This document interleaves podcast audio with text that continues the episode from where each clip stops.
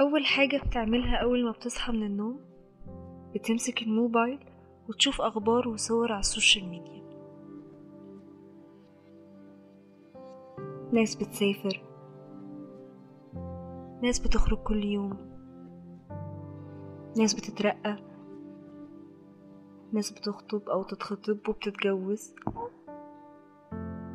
وبتقعد تسأل نفسك يا ترى أنا ليه حظي وحش؟ أنا ليه حياتي عادية ومملة؟ طب يمكن لما أكمل التلاتين هبقى عملت حاجة مهمة أتفشخر بيها. طب يا ترى لما هوصل للأربعين هحقق أحلامي؟ مين فينا ما كانش بيتفرج على stories على الانستجرام مثلا وحاسس إن حياته بائسة؟ مين ال social media وانفتاحه على العالم والرأسمالية ما خلهوش يحس إنه مش راضي وإنه فاشل؟ كل يوم بتلاقي حاجات على ال social media بتقولك انت فاشل لو ما اشتغلتش وظيفة مش روتينية. انتي فاشلة عشان ما اتجوزتيش فارس أحلامك. انت حياتك مملة عشان ما عندكش الأصدقاء الجامدين اللي بيخرجوا ويتفسحوا ويتبسطوا أو ما عندكش أصحاب كتير. مش بتحصل لك تجارب ومواقف جذابة.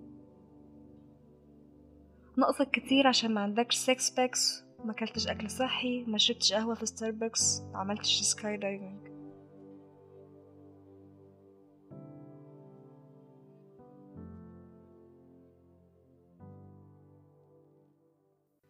الحلو بقى واللي كلنا يمكن عارفينه أصلا واللي في دراسات كتير بتقول إن في ناس ممكن ما يكونش عندهم كتير من الحاجات دي. حياتهم مملة من وجهة نظرك طبعا. بس أسعد بكتير من كل اللي بيعمل كل ده. إحنا في الحلقة دي هنساعدك نساعد نفسنا بإن إحنا نحل جزء من اللغز الكبير. إزاي نبقى أسعد؟ اطمن مش هنقول كلام تنمية بشرية زي أخبر منك ونجحوا. إحنا هنا هنتكلم بدراسات وأبحاث علمية هتكون موجود مصادرها في وصف الحلقة زي ما إحنا متعودين. خلينا نبدأ بنقول إن في مجال جديد في علم النفس اسمه علم النفس الإيجابي. المجال ده بيدرس إيه اللي بيخلي حياتنا تستحق إننا نعيشها وبيطور علاج لتغيير المشاعر السلبية واللي توصل واحدة من أهم الإجابات على سؤال إزاي نبقى أسعد واللي كانت الامتنان. معاكم دعاء برباوي وأنا محمد رفعت وده بودكاست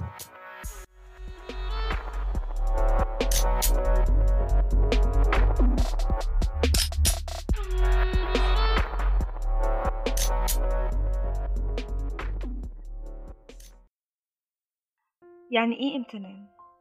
الامتنان هو شعور بتحسه لما حد بيعمل لك حاجة حلوة. صفة بتكتسبها مع مرور الوقت كل ما تركز في الحاجات الإيجابية اللي في حياتك وسلوك بتمارسه تجاه كل حاجة حواليك زي الجو الجميل أو القدر لو وقف في صفك أو منظر طبيعي خلاب شفته. الامتنان هو الشعور اللي بتحس معاه بسلام نفسي ورضا. الامتنان في حد ذاته تطور لعلاقتنا كبشر. لما الإنسان بيدرك الحاجات اللطيفة اللي في حياته ده بيحفزه إنه يرد اللطف ده للعالم اللي حواليه وده بيخليه يهتم بالآخرين ويهتموا بيه. الامتنان مهم جدا لأن دماغك بتقرأ المشاعر بتقرب من اللطيف وبتحاول تبعد عن الأناني. في تطورنا كبشر ومجتمعات إن كل شخص ياخد باله من نفسه واللي حواليه حمانا وطورنا ووصلنا للي إحنا فيه دلوقتي. مثلا لما الإنسان زمان كان بيحس بجوع ويلاقي شخص تاني بيدله على مكان فيه فاكهة أو بيشاركه الأكل أو بيكرمه وهو غريب في بلد كان بيحس بامتنان. وده بدوره بيشجعه إنه يرد ده في المستقبل. وده اللي خلى جدودنا وأسلافنا أقرب لبعض وكون ما بينهم روابط وعلاقات قوية. الامتنان كان تصرف بيولوجي بيحمي وجود البشر على الأرض وخلانا نسيطر عليها. ولكنه تطور وأصبح أكتر من كونه شعور رد جميل أو تقريب بين مصالح البشر. في دراسات كتير الباحثين لقوا إن الامتنان بيحفز مناطق في الدماغ بتشجع على المشاركة وتشكيل الروابط الاجتماعية. كمان بيخلي حفظ واسترجاع الذكريات الإيجابية أسهل. والأهم من ده إنه بيتصدى للمشاعر السلبية والحسد والمقارنة بالغير والنرجسية والسخرية وإلى آخره. نتيجة لده الأشخاص اللي بيحسوا بالامتنان بغض النظر عن السبب بيميلوا لأن هم يكونوا أكتر سعادة ورضا. علاقاتهم أفضل وأسهل بيكونوا صداقات جديدة بيناموا أحسن بيعانوا أقل من غيرهم من الاكتئاب والإدمان والإرهاق وأهم حاجة بيتعاملوا مع الأحداث المؤلمة بشكل أفضل. الامتنان طريقة بسيطة بتحميك إنك تقع في فخ المرض النفسي. والحقيقة إن في ناس كتير بتتعب وبتشتغل كتير عشان هدف معين ولما بيوصلوا للهدف ده بيحسوا بسعادة. ولكن بعد كده بيرجع ويسيطر عليهم شعور بغموض وفراغ وحزن. وقتها يقرر يشوف هدف تاني علشان يرجع له شعور السعادة ده. ونقعد ندور لفترة كبيرة من الزمن يمكن تكون العمر كله عشان ندور على السعادة والرضا. ناس كتير ممكن تحس بالوحدة والرغم إن يكون عندهم أصدقاء أكتر وعندهم مغامرات سسبنس في حياتهم أكتر على الرغم إن عنده صديق مخلص أو مجموعة أصدقاء ولكن يحس إن ده مش كفاية وإنه وحيد فيبدأ بالشعور بالضيق اتجاه نفسه. ويتجنب أصدقائه اللي عاوزينه ويصبح وحيد أكتر. طب إمتى نحس بالامتنان وإزاي نحس بيه؟ الأشخاص اللي بيمروا بتجارب قاسية مثلا بيحسوا إن الحياة رائعة. أبسط الأشياء ممكن تفرحهم تكون كافية بالنسبة لي الحياة العادية والروتينية ممكن تكون سبب كافي للامتنان. الحياة العادية هي تقريبا حياتك أنت أو ممكن حياتك تكون أحسن من كده بكتير. بس لما تمر عليك تجربة قاسية بتحس بحلاوة الدنيا. إن عقلك بيقارن بين حياتك البسيطة الخالية من الألم دلوقتي والوقت الأسود اللي كان ليك قبليها. لده بتحس الامتنان للحياة البسيطة والحاجات البسيطة. الامتنان بيخليك تركز على الحاجات الحلوة في حياتك فبيزود مشاعرك الإيجابية وتزيد معاها التجارب والحاجات الحلوة في حياتك.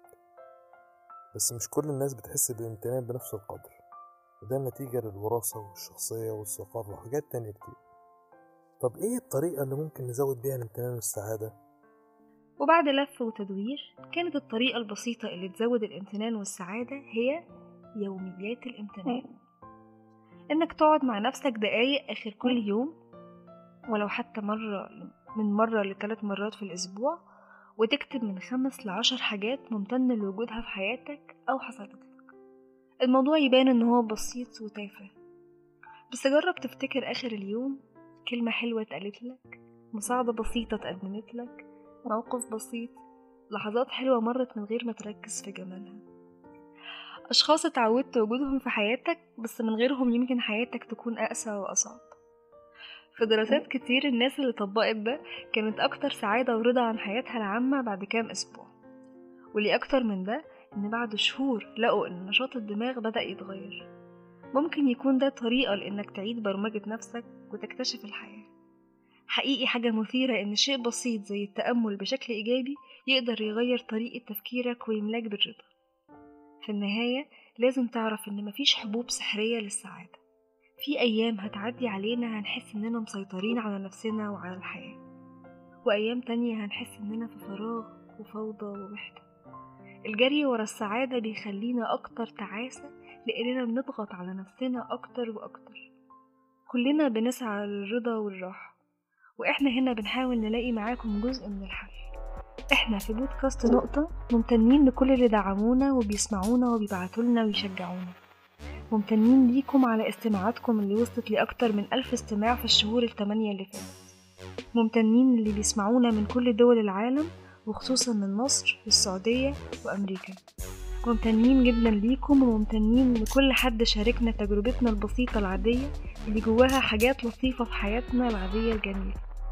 ونتمنى تشاركونا لحظات امتنانكم سواء بتعليق نصي أو صوتي أو اقتراح أو تقييم في المكان اللي بتسمع فيه البودكاست. تقدروا تتابعونا على وسائل التواصل الاجتماعي. اكتب بس بودكاست نقطة بالعربي أو بالإنجليزي وكل المصادر هتلاقوها في وصف الحلقة. إحنا بودكاست نقطة وإحنا ممتنين. سلام.